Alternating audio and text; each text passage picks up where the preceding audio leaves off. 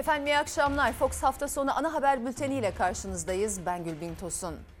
Bu akşam etiketimiz hadi artık. Okullar açıldı. ikinci haftaya yarın başlıyor çocuklarımız. Hadi artık aşılarımızı olalım diyorum. Hadi artık diye iktidardan beklediğimiz pek çok konu da var. Sağlık çalışanlarına salgın için ek ödeme, öğretmenlere atama sözü için, SMA'lı çocuklarımızın gen tedavisini karşılamanız için hadi artık diye sesleniyorum. Sizler de görüşlerinizi paylaşabilirsiniz. Bu akşam da ne yazık ki şehitlerimizin haberiyle başlıyoruz bültene. Yüreğimizi yakan şehit haberleri Suriye ve Irak'ın kuzeyinden geldi. İdlib'de iki askerimizin şehit düştüğü saldırıda ağır yaralanan piyade sözleşmeli er Turgay Abacı kaldırıldığı hastanede kurtarılamayarak şehit düştü. Şehit Hatay'da son yolculuğuna uğurlandı. Pençe Şimşek bölgesinde ise teröristlerin taciz ateşinde bir askerimiz şehit oldu, bir askerimiz de yaralandı.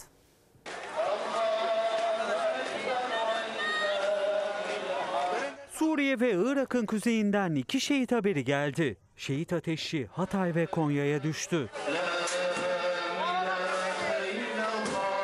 Suriye İdlib'deki gerginliği azaltma bölgesinde PKK'lı teröristler arama tarama faaliyeti sonrasında üst bölgesine dönen askeri araca tank savarlarla saldırdı. Hain saldırıda iki asker şehit düştü, üç asker de yaralandı. Yaralı askerlerden piyade sözleşmeli er Turgay Abacı'dan acı haber geldi.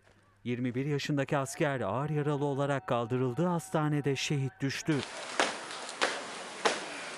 Bekar olan şehit Turgay Abacı, baba ocağı Hatay'ın Hassa ilçesinde dualarla son yolculuğuna uğurlandı. PKK'lı teröristler Irak'ın kuzeyinde sürdürülen Pençe Şimşek Harekatı bölgesindeki üstten çıkan güvenlik güçlerine ateş açtı. Saldırıda piyade sözleşmeli er Ömer Faruk Erdem şehit oldu, bir asker yaralandı.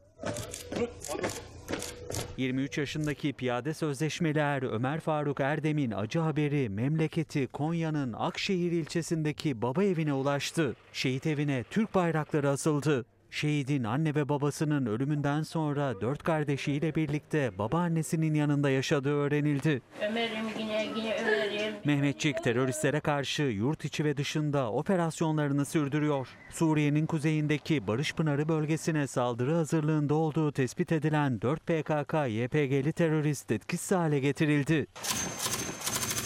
Diyarbakır Lice kırsalında sürdürülen Eren 2 operasyonlarındaysa iki terörist etkisiz hale getirildi. Şehitlerimize Allah'tan rahmet yakınlarına başsağlığı diliyoruz. Ve salgında gelinen nokta koronavirüs tablosunda hem vaka sayısı hem de vefat sayısı ne yazık ki çok yüksek. Uzmanlara göre sebebi aşılamanın hedeflenen seviyeye ulaşamaması. Üstelik Sağlık Bakanlığı'nın her gün açıkladığı aşılama haritası da yine uzmanlara göre rehavete neden oluyor ve gerçeği yansıtmıyor.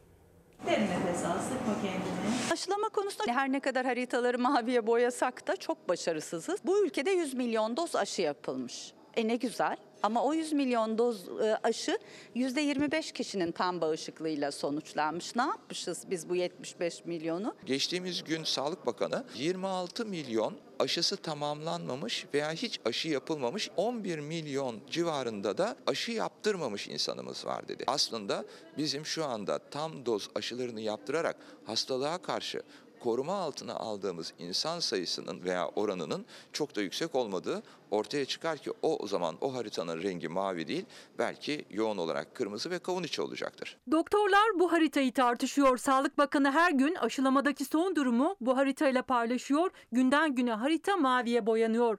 Ancak gösterilen tek doz aşılama ve tek doz aşının koruyuculuğu yok. Artan vefat ve vaka sayıları da bunun kanıtı. Ulaşılamayan aşı hedefi ve kapalı alanlarda hareketliliğin artması nedeniyle 259 hasta daha yaşamını yitirdi. Günlük 22.923 yeni vaka var. Sağlık Bakanlığı orada tek doz aşı yapılmış kişilerin oranlarını gösteriyor il bazında. O haritanın sürekli olarak mavileşmesi ve sanki insanlara aşı yapılan insan sayısı çok yüksekmiş gibi sunulması ve sanki herkes koruma altına alınmış gibi deklare edilmesi, açıklanması o zaman e, insanları ciddi bir rehavete sokuyor. Çalışan kesim 18 ile 50 yaş arası.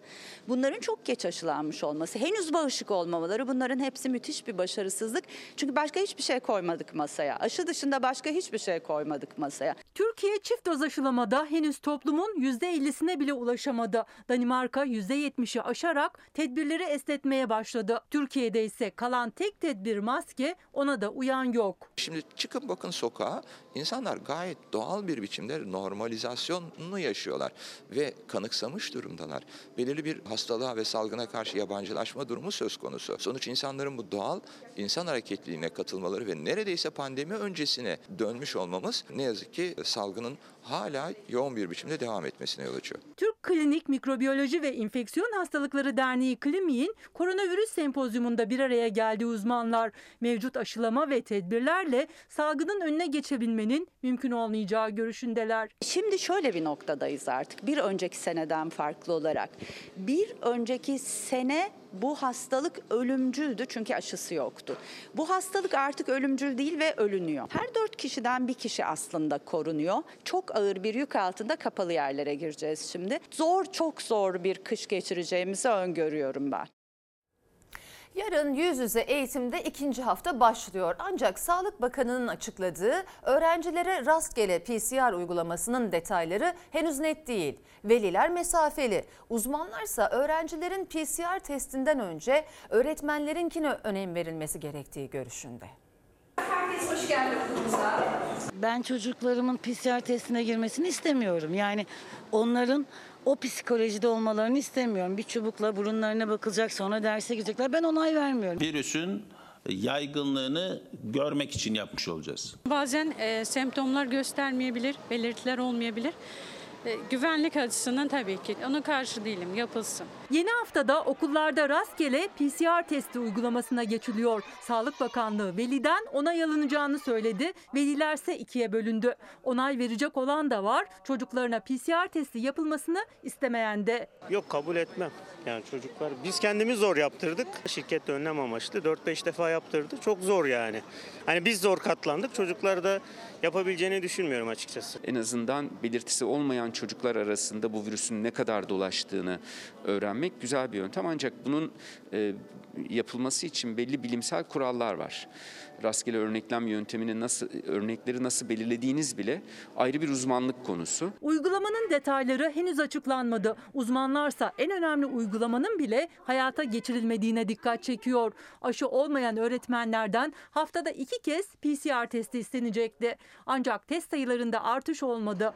Yani en kritik o tedbir uygulanamadı. Öğretmenlerin mutlaka aşılanmış olması çok kritik. Onlar sınıfta e, çocuklara ders verirken yüksek sesle konuşmak, zaman zaman bağırmak e, durumunda kalıyorlar.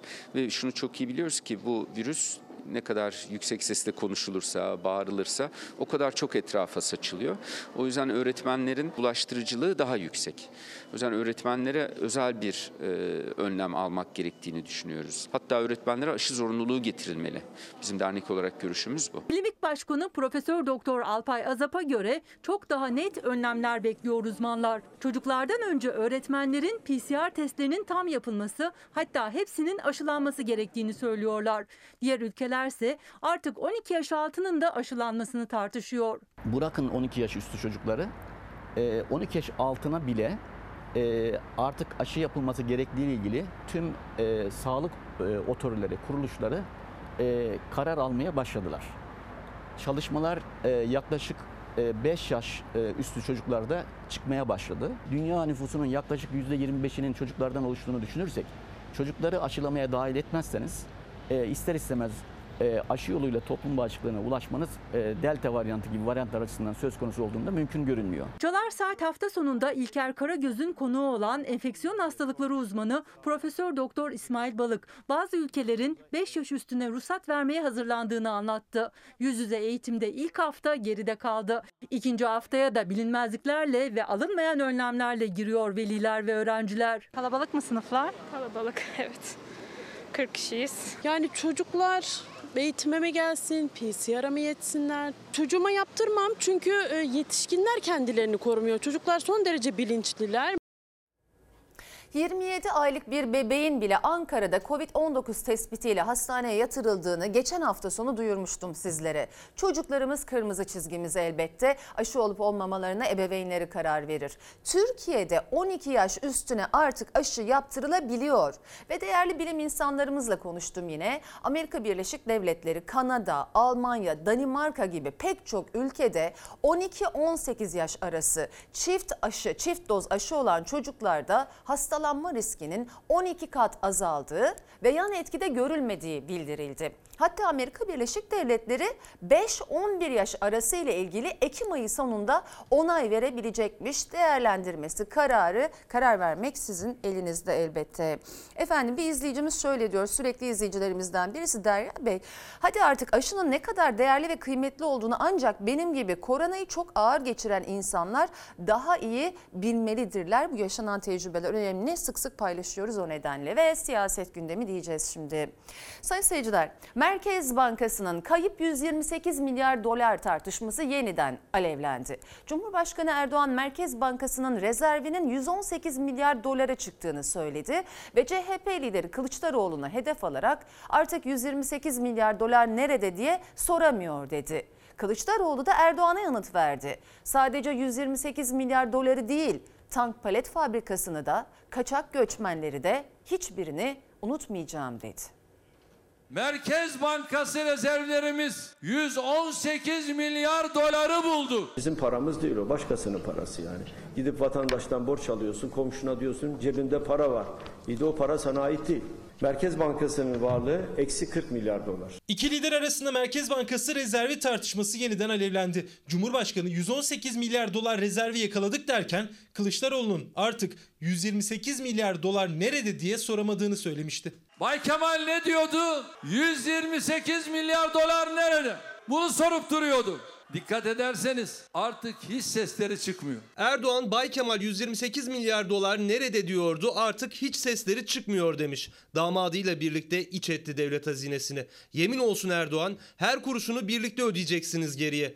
Beytülmal söz konusu geri ödenmesi şarttır. Daha neleri unutmayacağım. CHP lideri unutmayacağım diyerek tepki gösterdi Erdoğan'a. Sadece 128 milyar dolar değil, düzensiz göçmen, tank palet fabrikası hepsini tek tek saydı. Ülkemizin mahallelerini emperyalistlere peşkeş çektin. Milyonlarca sığınmacıyla devletin demografisini değiştirdin. Unutmayacağım. Anadolu'yu Kataristan yaptın. Tank palet fabrikasını Katar ordusuna peşkeş çektin. Unutmayacağım. Her kim ülkemize ve ordumuza iftira atıyorsa bilin ki devlet millet düşmanıdır. Gideceği adres net olmasına rağmen yakalanan tonlarca uyuşturucuya sesini çıkarmadın. Mafya önünde de süt dökmüş kediye döndün. Kara para baronlarını aklayanlardan birini AYM'ye üye, diğerini Adalet Bakan Yardımcısı yapıp ödüllendirdin. Unutmayacağım. Bunlar akşam yalan, sabah yalan. Zaten bunlar yalan terörü estirdiler. Halkımızın unutmayacağım dediği daha çok şey var Erdoğan. Benden söylemesi. Ekonomiden iç siyasete, dış politikaya, Türkiye'nin gündemindeki tüm başlıklarda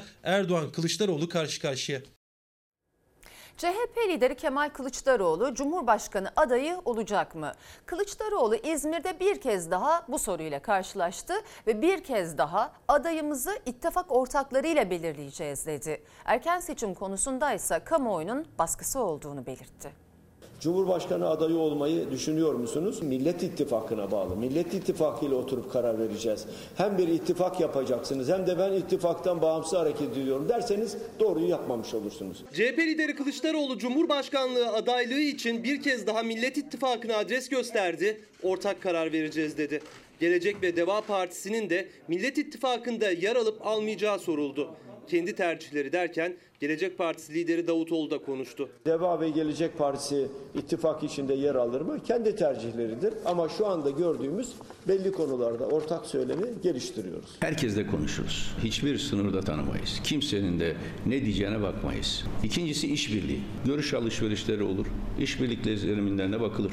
Bu ittifak değildir ama. Bir ortak söylemimiz var. Güçlendirilmiş parlamenter sistem diye. Deva ve Gelecek Parti'nin sayın genel başkanları da güçlendirilmiş parlamenter sistemden söz ediyorlar. İttifak meselesi ancak seçim satım halinde girildiğinde konuşulabilecek bir meseledir. Ben partilerin ittifakı değil, ilkesel ittifaka önem veririm. Seçim ufukta göründüğü zaman Etekteki ta- taşlar dökülür. Muhalefette ittifak senaryoları seçim takvimine ayarlı. Cumhur İttifakı erken seçim yok seçim 2023'te diyor ama Davutoğlu gazeteci Orhan Uğuroğlu'na konuştu. Cumhurbaşkanı Erdoğan'ın 2023'te anayasaya göre tekrar aday olamayacağını dillendirdi. Öncesinde meclisin alacağı bir erken seçim kararıyla aday olabilir dedi. Tek yol 2022 Haziran'ından önce Cumhurbaşkanı'nın seçime gitmesi. O zaman tekrar aday olabilir. Ama o zaman da seçim yasasını çıkarmadıkları için var olan seçim yasasıyla gitmek zorunda kalacaklar. Erken seçim tartışılıyor. Toplum büyük bir kesimi de erken seçim istiyor. Erken seçim olması lazım.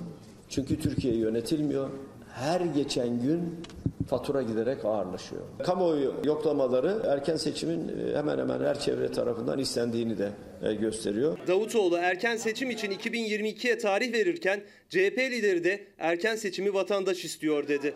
Hem iktidara hem seçmene sandık uyarısı dikkat çekti. Bizim görevimiz nedir? Seçim sandığına sahip çıkmaktır. İktidar seçim atmosferini kendi lehine dönüştürmek için terör bağlantılı bazı olaylar Türkiye yeniden farklı bir sürecin içine sokulmak istenebilir. Bu konuda ben bütün partili arkadaşlarıma, il başkanlarına, ilçe başkanlarına, milletvekillerine sağduyu ve sükunete davet ediyorum.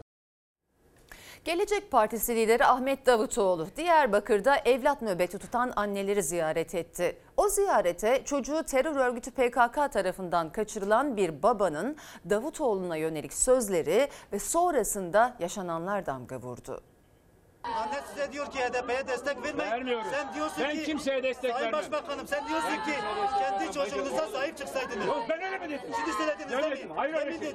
Hayır ya yalan söyleme. Sayın Başbakanım söylediniz. Oğlu terör örgütü PKK tarafından kaçırılan babanın HDP'ye destek verdiniz, Diyarbakır annelerine sahip çıkmadınız sözleri. Davutoğlu'nun yanıtı. Karşılıklı yükselen sesler. Davutoğlu iknaya çalıştı ama olmadı. Bu çocuklar bizim Söylediniz, çocuğumuz. Sayın Başbakanım, O PKK'ya karşı mücadele demedim öyle bir şey. Siz bir gün bu çocuklara sahip evet, çıkmadınız. sahip çıktım. Çıkmadınız. Çıktım o çocuk benim Bu çocuk çocuğum. kendi iradesiyle Çocuk- dağa gönderilmez. Sahip çıktım. Ben, gönder ben onlarla mücadeleyi ben yaptım. Gelecek Partisi Genel Başkanı Davutoğlu Diyarbakır ziyaretinde daha kaçırılan çocukları için HDP İl Başkanlığı binası önünde oturma eylemi yapan Diyarbakır annelerini ziyaret etti. Hepsi gelecek inşallah. İnşallah. Bizi başbakanlıkta ağırlamıştık o zaman. Evet, evet. Hatırlıyorum. Sıcak görüntülerle diyalogla başlamıştı aslında Davutoğlu'nun ziyareti ama ailelerin feryatları HDP'ye destek veriyorsunuz iddialarıyla tansiyon yükseldi. HDP'yi PKK'yı desteklemeyin. Yazıktır size. Yazıktır. Yazıktır. Onun kokusunu terine hasretim ben. Sayın Başbakanım siz mücadele etmiş olsaydınız E. HDP'nin kapatılmasına rahatsızlık duymazdınız. Bu çocukları kim kurtardı? Burada siyaset yaptı. Kim kurtardı? HDP kapatılmasın mı? O ayrı bir konu. HDP Sen PKK'nın siyasi Kim uzantısı mıdır değil midir? Onlarla mücadeleyi ben verdim. E hani mücadele Ama veriyoruz Sayın işte. Başbakanım? Buradayım onun için. Davutoğlu da karşısında yükselen sesleri öfkeyi dindirmeye çalıştı. Kendisi de öfkelendi. Anne size diyor ki HDP'ye destek vermeyin. Vermiyorum. Sen diyorsun Ben ki kimseye destek Sayın vermem. Başbakanım sen diyorsun ki kendi çocuğunuza sahip çıksaydınız. Yok ben öyle mi dedim? Şimdi söylediniz Öyle değil mi? Hayır öyle şey. dediniz. Hayır ya yalan söyleme. Tepkiler dinmedi. Davutoğlu ailelere yanınızdayız mesajı verdi. Diyarbakır annelerinin nöbet çadırından ayrıldı. Çiftçinin, vatandaşın, esnafın en büyük sıkıntısı pahalılık, geçim derdi. Çiftçi girdi maliyetlerinden şikayetçi, vatandaş pahalılıktan, esnaf satış yapamamaktan. Cumhurbaşkanı Erdoğan geçtiğimiz günlerde yüksek enflasyonu kabul etmiş, fiyatları indirmek için çaba sarf edeceklerini söylemişti. Dışişleri Bakanı Mevlüt Çavuşoğlu da Antalya'da çiftçilerin girdi maliyetlerinin yüksekliğini kabul etti. Gübre, tohum, ilaç, akaryakıt çiftçinin üzerinde yük dedi. Girdilerimiz hepsi yüzde yüz, yüzde yüz elli arttı. Gübre fiyatları, ilaç fiyatları hepsi çok arttı. Fakat mahsulün fiyatı, keldin fiyatı geçen senede aynı tutuldu. 110 lira olan gübre 300 liraya kadar çıktı. Mazot arttı, her şey arttı. gübre, tohum gibi özellikle ilaç gibi mazot da aynı şekilde bir e, yüktür ve bu konularda ilgili arkadaşlarımız da çalışıyor. Çiftçi mazot, gübre, ilaç gibi girdi maliyetlerinin yüksekliğinden dert yanarken Dışişleri Bakanı Mevlüt Çavuşoğlu da memleketi Antalya'da o şikayetlere hak verdi. Girdi maliyetleri çiftçinin üzerinde büyük yük farkındayız dedi. Tohum alamıyor, hiçbir şey alamıyor. Hayvanlarımıza destek alamıyor. Biz bittik abi, yemin yanına varım diyor. Sayın Cumhurbaşkanımıza, bakanlıklarımıza, ilgili kurumlarımıza çiftçimizin üzerindeki e, yükün, girdilerin maliyetinin azaltılması yönünde talimatı var. En düşük şeker gübresi 60 liradan 150 bin lira oldu. Bir yılda mı? Bir yılda, evet. Milletin belinin kemiği koptu artık. İnsan kaldıracak gücü kalmadı. Çiftçiler yüksek maliyetlerden muhalefet vekillerine dert yanarken Cumhurbaşkanının girdi maliyetlerinin düşürülmesi için bakanlıklara, kurumlara talimat verdiğini Dışişleri Bakanı açıkladı. Üreten de dertli, tüketen de. Bir bulgur 20 milyondan 35'e çıktı. Bu ne olacak? Sonumuz ne olacak? Öyle fakir var bir kilo domatesi evine götürelim. İnşallah enflasyonu da en kısa sürede kontrol altına alarak raflardaki, tezgahlardaki, etiketlerdeki fahiş fiyat artışlarının da önüne geçeceğiz. Yağ tenekesi 4,5-5 liraydı. Bundan iktidara geldiği sene.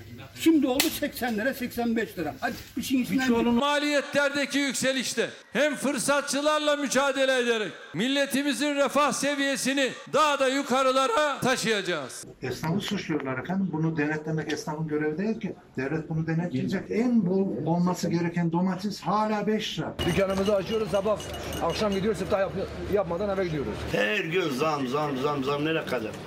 Bir 100 milyon e, maaşa zam ediyor. E, 300 milyon sigorta bakura atıyor. İktidar cephesinden pahalılığa, üreticinin, tüketicinin yaşadığı zorluğa ilişkin açıklamalar var ama ekonomik tablonun ne zaman düzeleceğine ilişkin bir takvim yok. Hem doğal olsun hem de bütçeye uysun diye tüketiciler bu dönemde evlerinde konserve yapar, kışı geçirirdi. Ancak fiyatlar o kadar yüksek ki ev konservesi için kilolarca ürün almak mümkün değil. Haftayı hatta günü kurtarabilecek kadar sebze meyve alışverişi yapılabiliyor.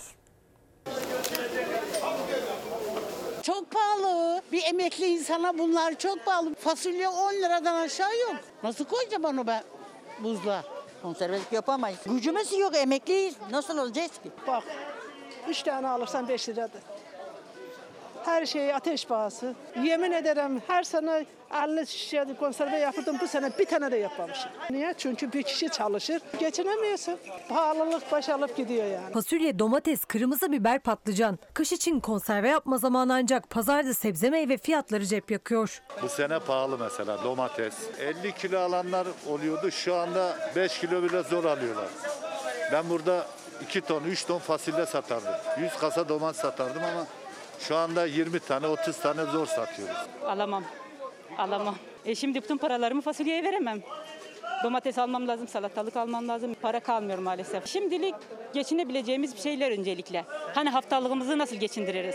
Önceliğimiz odur. Kışlık hazırlıkları başladı. Tam da konserve zamanı ancak evlerde konserve yapılamıyor. Çünkü sebze fiyatları bir hayli yüksek. Pazara kısıtlı bütçeyle gelenler konservelik değil sadece temel ihtiyaçlarını karşılayabiliyor. Konservelik alamadık maalesef alamadık. Neden? Geçen sene de yapamadık. Yani e, oldukça alıyoruz artık yapacak bir şey yok. Olduğu gibi duruyor. Bir şey sattığımız yok. Pahalı herhalde. Millet konserve yapamıyor. 3 lira kilosu. Nasıl yapsın? Domates 2,5 lira, kışın buzluğa konularak tüketilen fasulyenin ise 7,5. Biber ve patlıcanın kilosu ise 5 lira. Konservelik sebzeler tezgahta duruyor. Geçen senenin iki katı etiketleri gören vazgeçiyor. Geçen sene yapmış mıydınız konserve? Yapmıştım. O zaman bir buçuğa falan bulmuştum şey domates. Ama bu sene yok imkansız. 100 liram vardı. 100 lirayla geldim. Oo, onları almaya kalksan çok. Onları alamayız. Sadece sebzelerde değil, mevsim meyvelerinde de durum aynı. Yüksek fiyatıyla incir de bugünlerde sadece bakılıp geçilen meyvelerden. Tüketicinin canı çekiyor ama parası yetmiyor. İncir çok pahalı bu sene. Çok pahalı. İncir alınmıyor yani yanına yaklaşılmıyor. İncir. Alacak mısınız? Bakıyorum. Canım çekiyor bakıyorum. Tezgahtaki meyvelerin fiyatları da oldukça yüksek. Örneğin şeftali ve üzümün kilosu 10 lira, mevsim meyvesi incirin kilosu ise 20 lira. Erik 6 lira, mandalina 5 lira, elma 5 lira, şeftali 10 lira. İncirin şu anda siyah zaman ama e, biraz yüksek fiyat. 20 lira. O biraz pahalı. Bir meyve şuraya baksana 10 lira. Allah yardımcımız olsun. Salgınla birlikte on binlerce iş yeri geçici olarak kapandı ama normalleşme takvimiyle birlikte bazı iş yerleri de yeniden kepenk açamadı.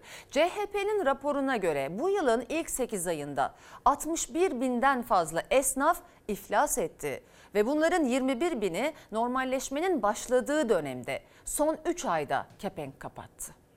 Burada daha önce kim ne iş yapar? Yapı Ne inşaat, dekorasyon. Bir sene önce tuttular. 12 ay zor dayandılar. Bir buçuk ay falan oldu kapatalı. Ben AVM'ciyim. Çoğu katımız boşaldı. Nedenleri mala, ham maddeye, yarı mamule zam geliyor. Ama gelin görün ki bunu parakendede veya nihai tüketiciye satamıyor. Satamadığı zaman da ne oluyor? Gördüğümüz üzerine kapatıyor. Türk ekonomisi ikinci çeyrekte reel olarak yüzde 21,7 büyüyerek dünyada en hızlı büyüyen ikinci ekonomi oldu. %21.7 büyümenin olduğu dönemde 61.736 esnaf kepenk kapattı.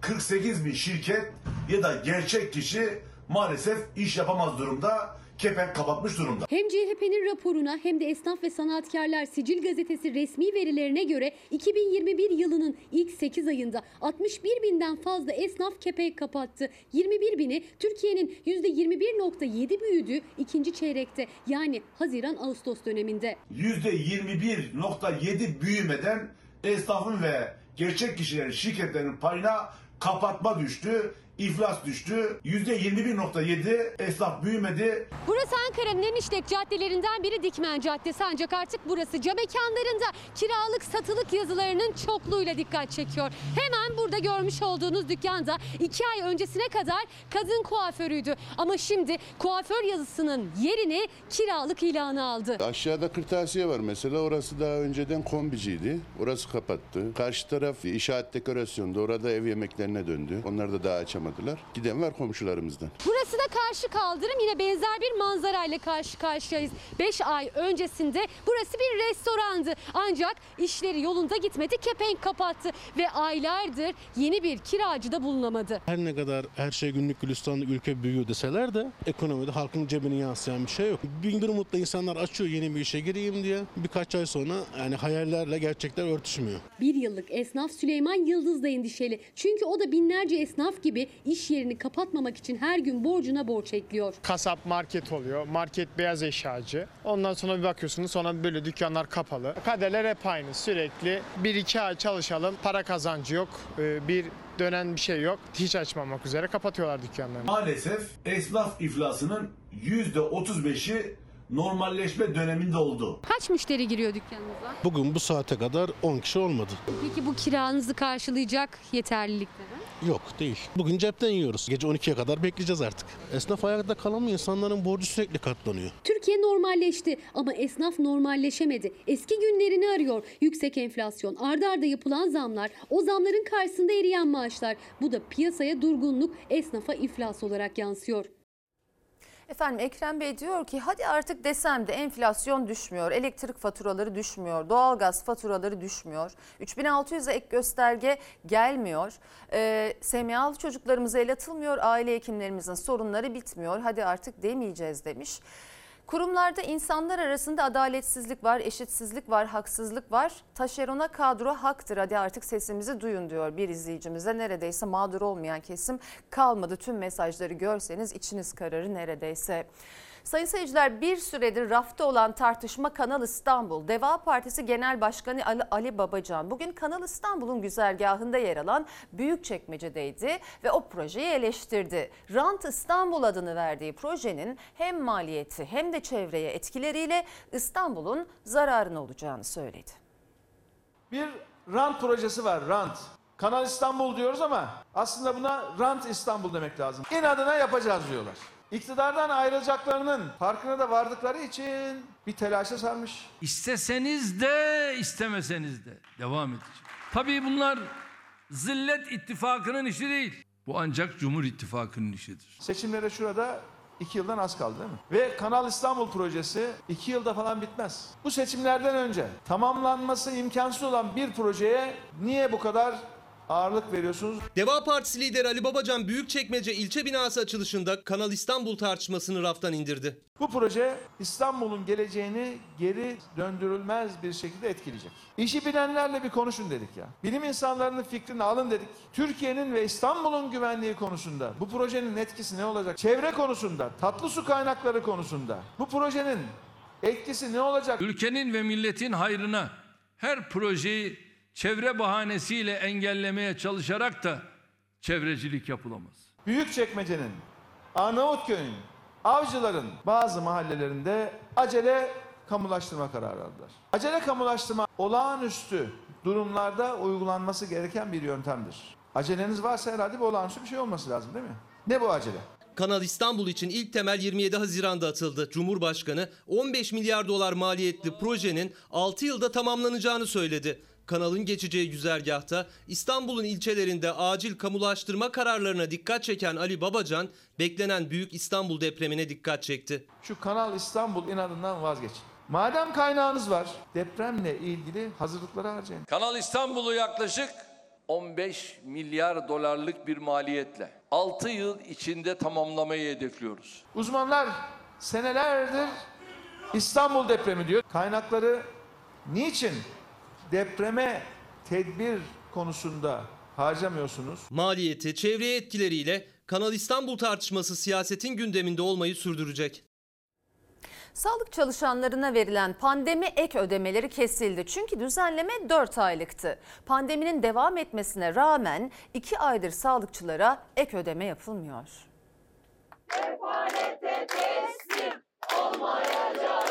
Pandemi döneminde yapmış olduğumuz mücadeleyle vicdanımız rahat ama karşılığını alabildik mi alamadık. Ceplerimiz boş diyorlar. Yani kurdukları tek cümle şu vicdanımız rahat cebimiz boş. Pandemi bitmedi. Sağlık çalışanlarının mücadelesi aralıksız sürüyor ama sağlık çalışanlarına verilen pandemi ek ödemeleri kesildi. Nedeni de 4 aylık kısmi düzenlemenin son bulması. Ağustos ve Eylül aylarına yönelik yeni bir düzenleme yapılmadığı için ödeme alamıyor sağlıkçılar. Yani pandemi var ama pandemi ödemesi yok. Ödemeler Covid biriminde çalışan hemşire için 1500 lira gibi bir paraya tekabül ediyor. Covid dışındaki servislerde çalışan hemşire için ise 500 TL'ye tekabül ediyor. Bu para evet kimisine göre çok büyük bir meblağ olmayabilir ama kamu emekçileri biliyorsunuz %8.45 zam oranı aldı. Elektriğe %15, doğalgaza %12 zam yapıldı. Yeni ulaşıma çok ciddi zamlar yapıldı. Kira artış oranları biliyorsunuz %15'in üzerine çıktı. Okulların açılmasıyla beraber masrafları arttı. Aldığımız ücret ne emeğimizin hakkına yatıyordu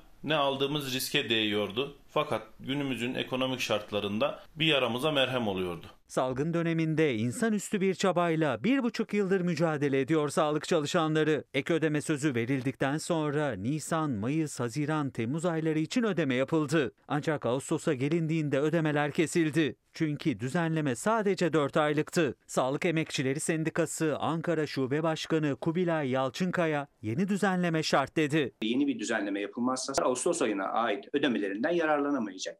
Bakanlığın yeni bir düzenleme yapmasını bekliyor sağlık çalışanları. Bizim sağlık emekçisi olarak talebimiz aldığımız performansların iyileştirilerek devam ettirilmesi, 3 aylık 4 aylık değil süreklilik sürekli haline getirilmesi. Aynı görevi yapan ama hiç ek ödeme alamayan sağlıkçılar da var. Üniversite hastanelerinde çalışanlar. Onlara da Mayıs ayında ek ödeme yapılacağı söylenmişti ama o söz hala hayata geçmedi. Bugüne kadar biz üniversite hastanesi çalışanları olarak üniversiteyi yöneten rektörlerin ve YÖK'ün, YÖK'ün tüm kurulu üyelerinin herhangi bir olumlu adım atmamasını gerçekten kınıyoruz. Biz işimizi en iyi şekilde yaparken vicdanımız rahat diyoruz. Peki ya bizi yönetenlerin vicdanı rahat mı? Üniversite hastaneleri Sağlık Bakanlığı'na bağlı olmadığı için bu kapsama hiç alınmadı. Bundan kaynaklı sağlık emekçilerinin bu dönemde ciddi anlamda mağduriyeti oluştu. Covid seviyesinde yatan hastaların akciğer grafisini ve tomografi çekiyoruz. Pandemi sürecinde yatan ek ödemelerden kesinlikle faydalanamıyoruz. Efendim iki yıldır izin, istifa ve emeklilik hakları kullandırılmadı. Büyük risk altına girdiler. Psikolojileri çok bozuldu sağlık çalışanlarının. Şimdi de sırf salgın nedeniyle ödeneceği söylenen ek ödemeler yok. Bilim insanları eylemdeydi. Bugün de hakkımı helal etmiyorum etiketiyle sosyal medyadan görüşlerini beyan ettiler. Ee, hükümete iktidara seslenmek lazım bari bu sözünüzü tutun diye. Bu arada efendim son 24 saate ait Covid-19 tablosu geldi. Arkamda hemen paylaşayım bilgileri. Test sayısı 310.546, vaka sayısı 21.352 vefat sayısı hala çok yüksek 243 Allah rahmet eylesin iyileşen sayımıza baktığımızda 25.616 olarak verilmiş Sağlık Bakanlığı tarafından paylaşılmış bilgi. Efendim 20 bin öğretmen atamasının ardından 15 bin ek atama daha yapılacak. Hem sayının yetersizliği hem de ek atamanın kapsamı tartışılıyor. Çünkü henüz sonucu bile açıklanmayan 2021 yılının KPSS'si de geçerli olacak. Geçen sene yüksek puan almasına rağmen atanamayan öğretmenler tepkili.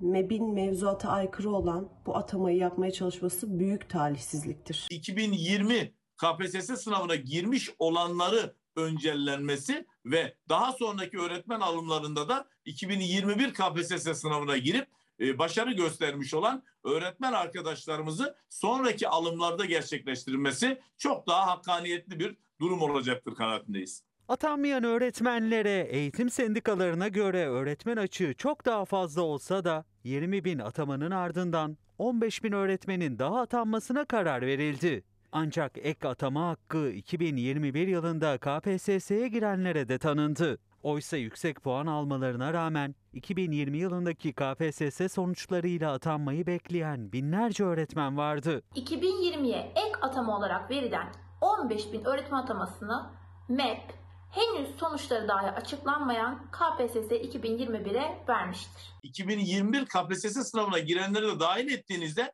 yeniden o çok yüksek puan almış olsa dahi farklı branşlardaki öğretmen kardeşlerimizin atanması gerçekleşmeyecek. Yalvarıyorum size ne olur yalvarıyorum lütfen. Ek 40 bin atama. İhtiyacımız neyse Açık var.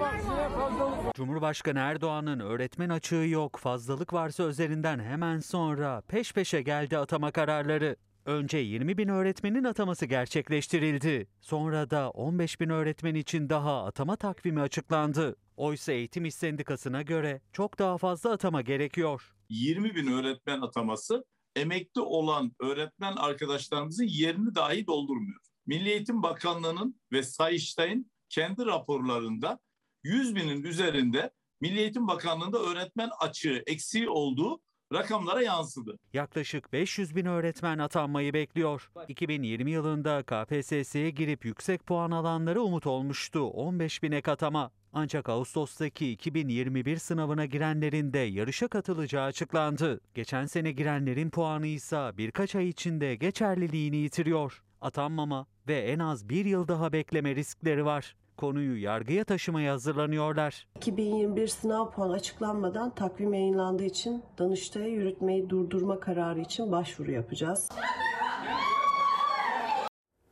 8 Temmuz 2018'de 25 kişinin hayatını kaybettiği Çorlu tren faciasının ardından benzer bir faciaya neden olabilecek olay Ankara-Konya hızlı tren hattında 2 ay önce yaşanmıştı. Tıpkı Çorlu'da olduğu gibi hızlı tren hattında da sel suları nedeniyle zemin boşalmış ancak tehlike önceden fark edildiği için tren seferleri durdurularak facianın önüne geçilmişti. Çorlu tren kazası davasına bakan mahkeme heyeti Devlet Demiryolları'ndan bilgi istedi. Çorlu'da fark edilmeyen tehlike Ankara-Konya hızlı tren hat, hakkında hattında nasıl fark edildi diye sordu. Devlet Demiryolları'nın verdiği yanıt itiraf gibi. Çökmüş çökmüş. Yüksek hızlı tren hatlarında alt üst geçit, karayol veya demiryoluyla yan yana gidilen bölgeler gibi güzergahın kritik noktaları hatta yerleştirilen kameralarla 24 saat gözlemlendiği. Devlet Demiryolları Hukuk Müşavirliği'nin Çorlu tren faciasına bakan mahkeme heyetine gönderdiği yazı. Mahkemenin Ankara-Konya hızlı tren hattındaki benzer tehlike nasıl önlendi sorusuna Demiryolları hızlı tren hattını 24 saat kameralarla izliyoruz yanıtını verdi. CHP milletvekili Sevda Erdan Kılıç'a göre bu yanıt Çorlu faciasındaki ihmalin itirafı. Eğer Çorlu tren faciasının yaşandığı o hatta kamera veya yeteri kadar tren bekçisi olsaydı bu facia da önlenebilecekti. 8 Temmuz 2018'de Çorlu tren faciasında 25 kişi hayatını kaybetti. Kazanın nedeni demiryolu hattı altındaki zeminin sel suları nedeniyle boşalmasıydı. İhmal ve denetimsizlik tartışması arasında dava yıllardır sürerken benzer bir facia kıl payı atlatıldı Ankara-Konya hızlı tren hattında. Çökmüş çökmüş. Tıpkı Çorlu'da olduğu gibi Ankara-Konya hızlı tren hattında da demiryolu altındaki zemin sel sularıyla boşaldı. Tehlike bu kez fark edildi ve facia önlendi.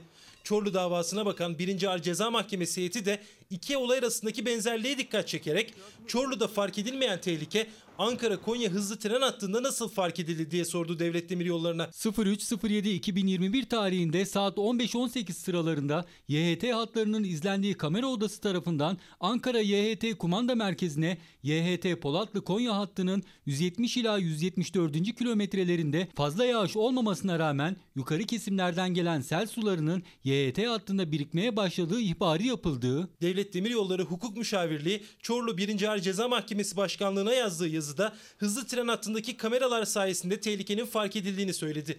Anında trafik kontrolörüne bilgi verildiğini, makinistlerin uyarıldığını. İhbarı alan tren makinisti belirtilen bölgeden düşük hızla geçerek hattın kenarında biriken suyun fazlalaştığı ve kontrol edilmesi gerektiğini belirttiği, Demiryolu Bakım Müdürü saat 16'da olay yerine varışını takiben durumun kötüleşmesi nedeniyle her iki hattı tren trafiğine kapattığı anlaşılmıştır. Verilen bu cevabı yazıdan da görülüyor ki tüm tedbirler uygulandığında hiçbir kaza gerçekleşmiyor. Devlet Demiryolları'nın Çorlu 1. Ağır Ceza Mahkemesi Başkanlığı'na gönderdiği yazı 25 kişinin hayatını kaybettiği, 340 kişinin yaralandığı facianın önlenebileceğini ortaya koymaktadır. Devlet Demiryolları Ankara-Konya hızlı tren hattında sel sularının yarattığı tehlike kameralar sayesinde fark edildi. Tüm birimler, makinistler uyarıldı ve Çorlu benzeri bir facia önlendi diyor. CHP milletvekili Sevda Erdan Kılıç da Çorlu tren hattında da kamera sistemi olsaydı facia önlenirdi diyor. Ulaştırma Bakanı'nın yanıtlaması için verdiği soru önergesinde de hızlı tren hatları dışındaki hatlara kameralı sistem neden kurulmuyor diye soruyor. Efendim demek ki neymiş? Herkes sadece görevini yapsaymış, 25 canımızı kaybetmeyecekmişiz. Gerekli önlemler alınsaymış ki alınabilirmiş. Sayın seyirciler yol verme tartışması kavgaya dönüştü. Sürücülerden biri diğer araca taşla saldırdı. Üstelik iki tarafta İstanbul Büyükşehir Belediyesi çalışanıydı. Soruşturma başlatıldı. İnanamıyorum. Dilan gözüne bir şey oldu mu? Hayır. Taş arabada Dilan çek. İmamoğlu'nun özel kalemi. Polis! İmamoğlu'nun özel kalemiymiş. Belediyenin servis aracıyla bana saldırıyor. Önce hakaret ardından tekmeli taşlı saldırı. Camları tuzla buz olan o araçta hamile bir kadın ve bir de küçük çocuk vardı. O aracın şoförüyle belediyeye ait bir aracın şoförü arasındaki yol tartışması büyüdü. Saldırgan İstanbul Büyükşehir Belediye Başkanı Ekrem İmamoğlu'nun özel kalemi olduğunu iddia etti. Belediye bu iddiayı yalanlarken soruşturma başlatıldığını açıkladı. Ben Ekrem İmamoğlu'nun özel kalemiyim diyen bir adam. Canımız tehlikede. Arabanın her yerine vurduğu. Bakın arabada arabada küçük bebeğim, hamile eşim. Bakın İstanbul Kağıthane'de iddiaya göre yol verme tartışması nedeniyle patlak verdi kavga. İstanbul Büyükşehir Belediyesi'nde şoför olarak çalışan Olcay K, belediyeye ait araçla yine İBB'de psikolog olan Uğur Bey'in aracının önünü kesti. İBB aracıyla arabada hamile eşim ve küçük bebeğimle bana saldıran bir adam arabanın içine kaya attı. Kayayı görüyorsunuz. Terbiyesiz adam.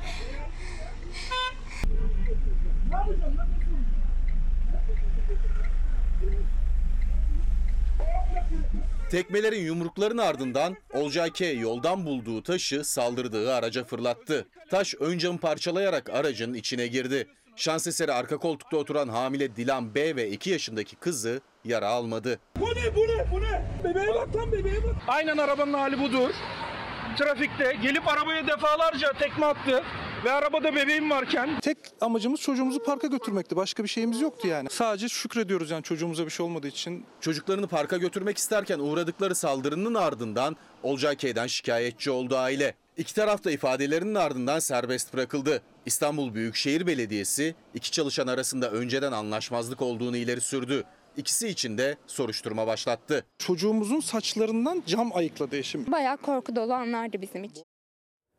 İstanbul Esenyurt'taki sokak düğününde atılan havai fişek bir binanın çatısını yaktı. Başta o binadakiler mahalleli büyük tehlike atlattı.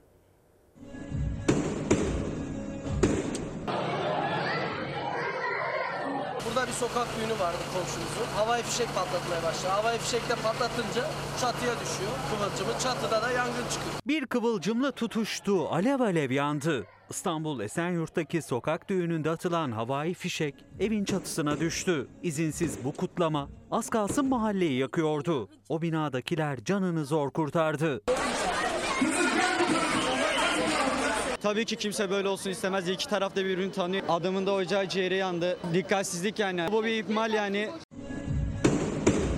Esenyurt'ta mahalleli sokakta düğündeydi. Bir grup havai fişek atmaya başladı. Hem izinleri yoktu hem de çok alçaktan patlatıyorlardı. Kıvılcımlar 3 katlı bir binanın çatısına düştü. Kısa sürede çatı alev aldı.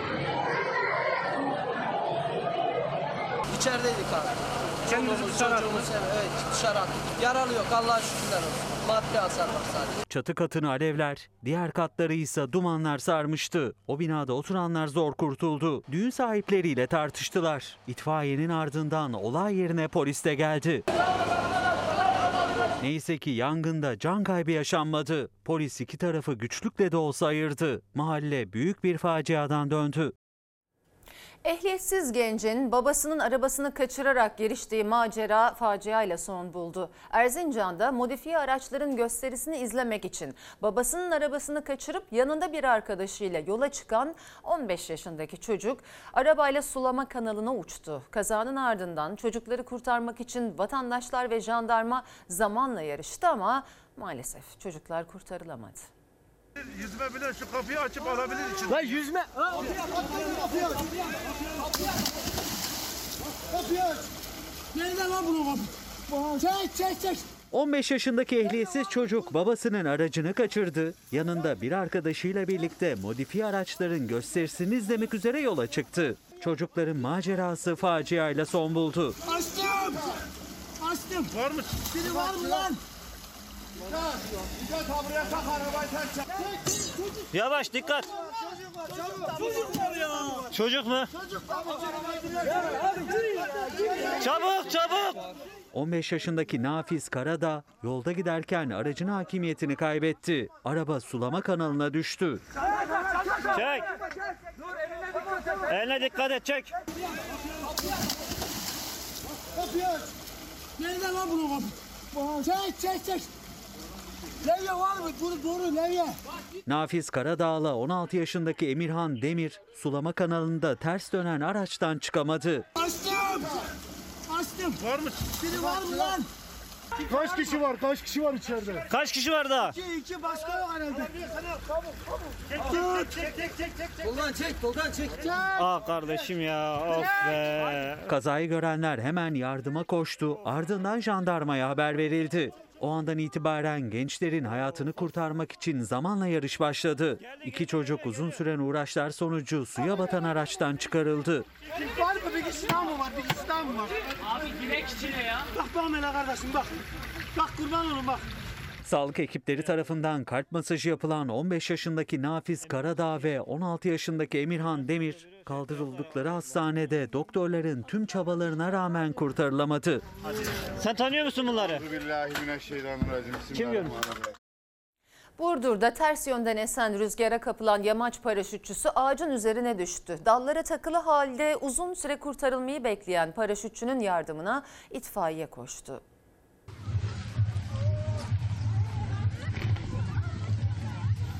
Fatih kıpırdama. Bak dal kuru vallahi. Yükün verdin ana inersin aşağı Allah korusun. Ya, sakın oynama. Sende bir şey yok değil mi? Türbülansa kapılan yamaç paraşütçüsü ağacın üzerine düştü, ölümden döndü. Kendi hareket yapıyor sandım. Bayağı bir takip ettim ama toplayamadı. Fatih, türbülansa mı kapıldın sen yukarıda? Burdur'da yaşayan Fatih Kılıç Aslan Avşar Tepe'den yamaç paraşütüyle atlayış yaptı. Hava kararmak üzereydi. Sorunsuz gerçekleşen atlayışın sonrası bir anda işler tersine döndü. Deneyimli paraşütçü iniş yapacağı yere yaklaştığı anda türbülansa girdi. Abi ne yaptın ya geçmiş olsun. İyi, ağaç varmış burada. Herhangi bir şey var mı? Yok abi. Hiçbir şey yok. Yok Allah şükür. Yumuşak bir iş yaptın yani. Paraşütünün hakimiyetini kaybeden Fatih Kılıç Aslan, Burdur Gölü kenarındaki bir düğün salonunun bahçesinde bulunan çam ağacının üzerine yumuşak iniş yaptı. Durumu iyiydi. Kazayı görenler hemen yardıma koştu. İtfaiye ve sağlık ekiplerine haber verildi. Fedakar, cefakar, itfaiye görevlileri. Hem yangınlarda hem de paraşütçülerin... Gel bu tarafa. Bizleri çok İndir mutlu biraz. Kendisini kurtarmak için çabalıyoruz. Teşekkürler itfaiye ekibine. Bravo. Ağacın gövdesine sımsıkı tutunan paraşütçü itfaiyeciler tarafından kurtarıldı. Fatih Kılıç Aslan tedbir amaçlı hastaneye götürüldü. Türbans şeyine kaldık. Tabii toparlayamayınca ağaca indik. Yani başka da yapacak bir şeyimiz kalmadı. Verilmiş sadakamızdan. Hastaneye mi gideceksiniz? Bir muayenesini yapalım. Rüzgar isimli iki bebek gelecek şimdi ekranlarınıza. İkisi de SMA hastası. Biri tedavi olabildi. Diğeri ise kampanyayla ilaç parasını topladı. Ama diğer masraflar için gereken miktar eksik kaldı. O da arkadaşı gibi tedavi olabileceği günü bekliyor. Oyna oğlum, oyna, oyna. İlaç paramız aktarıldı. Sadece ufak bir şey kalmış. 150-200 bin liralara kalmışız. Bir buçuk senedir oğlumu göremiyorum doğru düzgün. Ee, uzun bir süre yoğun bakımda yattı. Rüzgarı bir an önce ilacına kavuşturmamız lazım. 15 aylık SMA hastası Rüzgar Samet Bebek tek umudu yurt dışındaki gen tedavisi. Adaşı Rüzgar Erdoğan gibi tedavisini olup ayağa kalkacağı günü bekliyor ama büyük zorluklarla kampanyayla para toplamalarına rağmen Rüzgar yurt dışına gidemiyor. Çünkü yol parasını ve günlerce sürecek konaklamayı ailesinin karşılaması mümkün değil. SGK ilacı karşılamadığı, Türkiye'de uygulanmadığı sürece SMA hastalarının önüne çıkan engellerin sonu gelmiyor. Bizim kampanyamız bitti. Allah'a şükür bir hayırsever tarafından 2 milyon 400 bin euro para yatırıldı Almanya hastanesine. Biz de elimizde avucumuzda olan 593 bin TL'yi biz de aktardık. Allah'a şükürler olsun ilaç paramız tamamlandı. Rüzgar Samet Çiçek için en büyük umut Rüzgar Erdoğan'ın bu gelişimi oldu. SMA hastası bebek gen tedavisi sayesinde daha önce yapamadığı hareketleri yapabilmeye başladı. Nefesi %100 destekli yürüyebiliyor. Ee, oturduğu yerden kalkabiliyor. Neredeymiş Rüzgar? Buradaymış. Rüzgar e, kendi başına desteksiz oturabiliyor. Sa- saatlerce oturabiliyor. Bunlar e, mucizevi şeyler. Eksik masraflarımızla bir ambulans kiralaması, ondan sonra vize işlemleri ve fizik tedavisi gibi orada 5-6 ay kalacağız. Bu tür eksiklerimiz var. Yüzlük yüzlük kuyruğuna geldik. 150-200 bin gibi bir para ihtiyacımız var. Adaşıyla aynı mucizeleri Rüzgar Samet'in de yaşayabilmesi için 200 bin lira daha gerekiyor. Çünkü SMA hastalarına Türkiye'de uygulanmayan ilaç için Almanya'ya gidecek Çiçek ailesi.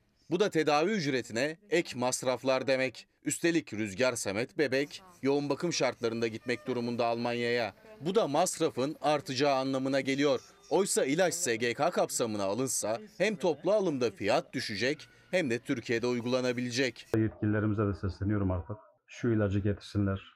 Gittikçe sayı çoğalıyor. Şu ana kadar 60'a yakında beyimizin kampanyası bitti ama nereye kadar gidecek?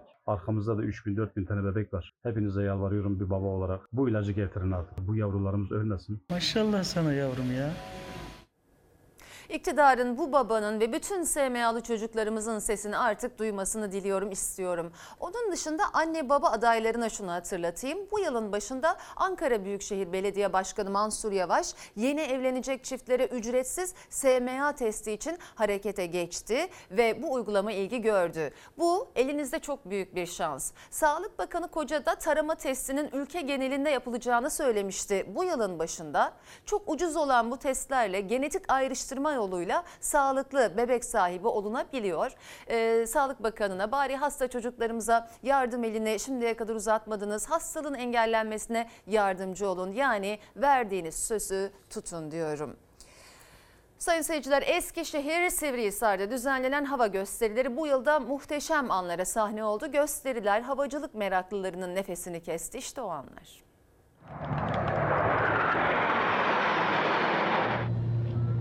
İşte Türk milletinin evlatları.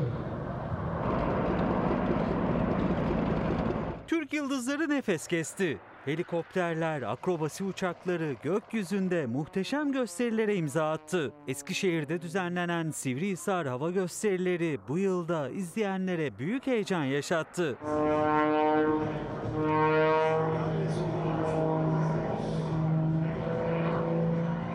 Yerli ve yabancı akrobasi pilotlarının katıldığı Sivrihisar hava gösterilerinin bu yıl altıncısı düzenlendi. Salgın nedeniyle izleyicilere kapalıydı gösteriler. Meraklıları sosyal medyadan canlı yayınlarla takip etti. Aynı heyecanı yaşadı.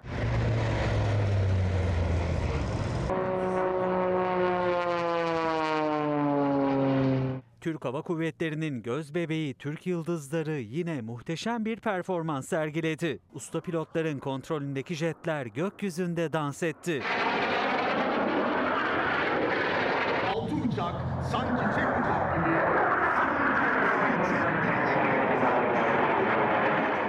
Çoğunluğu kadınlardan oluşan jandarma paraşüt ekibi de yer aldı gösterilerde. Ve 3 tane kadın paraşütçümüz var burada. Türkiye'nin ilk profesyonel akrobasi pilotu Ali İsmet Öztürk için gösterinin anlamı çok büyüktü. Jübile uçuşunu gerçekleştirdi usta isim. Hava kuvvetlerimiz burada, kara kuvvetlerimiz burada, emniyet teşkilatımız burada. Güzel bir gösteri olacak zannediyorum. Sosyal medyadan binlerce kişinin canlı yayına takip ettiği gösteriler havacılık tutkunlarına keyifli saatler yaşattı.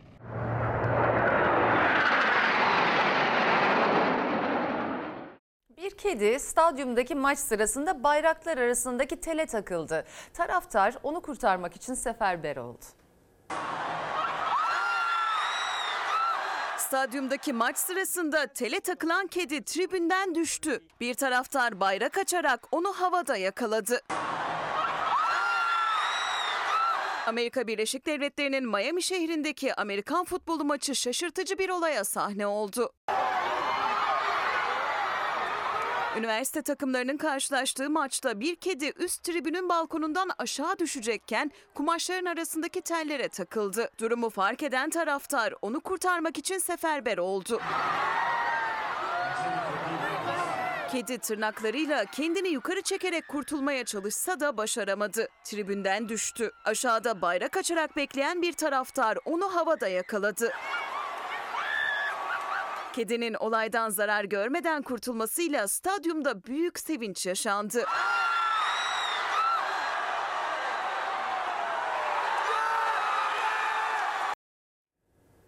Sevinci gördünüz değil mi? Ee, bense mesela her gün açlıktan, hastalıktan ölen sokak canlılarının videolarını görüyorum. Türkiye'nin dört bir yanından gelen. Gönüllüler onlara yetemiyor ne yazık ki. Hayvanları koruma kanununu çıkaran meclise sesleniyorum. Haydi gelin tüm partilerin daha önce üzerinde uzlaştığı 53 maddenin tümünü geçirin meclisten. En önemli nokta belediyelerin gelirinden veteriner işleri müdürlüklerine yeteri kadar bütçe ayrılabilmesi. O bütçe belediye başkanlarının inisiyatifinde eğer bırakılırsa onların inisiyatifine yeterli olmayabiliyor. Yasayla düzenlenirse bu sayede yeterli miktarda kısırlaştırma yapılabilir ve böylece sokakta da can çekişen e, hayvanlarımız, canlarımız kalmayabilir. Efendim bültenin e, sonuna yaklaştık. E, şimdi birkaç tweetiniz var. E, sesinize kulak verelim demişsiniz ki serzenişte bulunuyorsunuz. E, bu ülkede sadece öğretmenler mi var? Her gün öğretmen atamasının üzerinde duruyorsunuz. Biz sağlıkçıları yok sayıyorsunuz. Bunca yıl sizi izliyoruz. 700 bin sağlıkçının hakkını siz de göz ardı ediyorsunuz demiş. Etmiyoruz aslında. E, bundan sonraki süreçte de etmediğimizi size haberlerimizle izleyerek takip edebilirsiniz. Efendim arkamda görüyorsunuz. Bu akşam yeni dizimiz Uzak Şehrin Masalı sizlerle buluşacak. Hemen şimdi bizden sonra sırlarla dolu bir e, geçmiş ve imkansız bir aşkın hikayesi efendim. Kaçırmayın diyoruz. Çünkü beğeneceğinizden eminiz ve böylece Fox Ana Haber Bülteni'ni burada nokta alıyoruz. Efendim iyi bir akşam geçirmenizi diliyoruz. Hoşçakalın. Bin can feda bir tek dostuma Her köşesi cennetin ezilir yerler için Bir başkadır